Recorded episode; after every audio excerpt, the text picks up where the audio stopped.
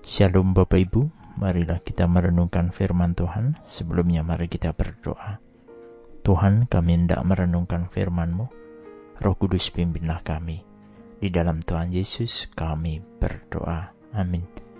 Bacaan saat ini diambil dari Amsal 2 ayat 2. Amsal 2 ayat 2. Buatlah telingamu memperhatikan hikmat dan condongkanlah hatimu kepada pengertian. Dalam hidup di dunia ini sering kita merasakan kekurangan. Kita tidak pernah puas, ada saja yang harus terus kita penuhi. Sehingga waktu hidup kita hanya untuk mencari dan untuk menutupi segala kekurangan-kekurangan kita. Baik itu materi, kepuasan diri, kedudukan, jabatan, kepandaian, penampilan, dan lain sebagainya kita seolah menjadi budak keduniawian kita. Padahal ada yang jauh lebih berharga dari semua itu, yaitu hikmat Tuhan. Amsal 3 ayat 13 hingga 15 menuliskan, Berbahagialah orang yang mendapat hikmat, orang yang memperoleh kepandaian, karena keuntungannya melebihi keuntungan perak, dan hasilnya melebihi emas ia lebih berharga daripada permata. Apa pun yang kau inginkan tidak dapat menyamainya.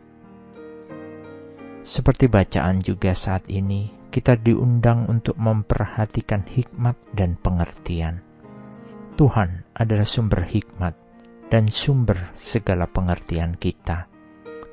Karena hikmat dan pengertian itu sangat berharga, maka kita harus mencarinya kita harus sungguh-sungguh mencarinya, bahkan dengan segala cara.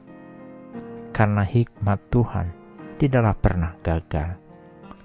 Melalui firman Tuhan yang tertulis, hikmatnya dinyatakan kepada mereka yang adalah miliknya.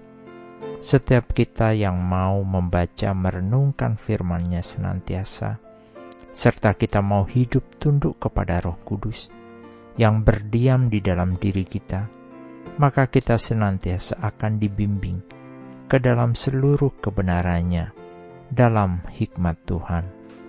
Allah memberi dengan murah hati hikmatnya kepada semua orang yang mencari dia dengan iman percaya dan mau mencondongkan telinga mereka untuk mendapatkan pengertian dari Tuhan. Amin. Mari kita berdoa. Bapa Surgawi, sungguh kami bersyukur untuk hikmat dan pengertian dari Tuhan. Kami mau Tuhan terus menjagai kami dalam segala hal, dan biarlah kami memiliki kerinduan untuk mencari Tuhan dan kebenarannya. Berilah kami kekuatanmu Tuhan. Ini semua untuk puji dan kemuliaan nama Tuhan saja. Inilah doa permohonan kami. Hanya di dalam Tuhan Yesus kami berdoa dan bersyukur. Amin. Tuhan Yesus memberkati. Shalom.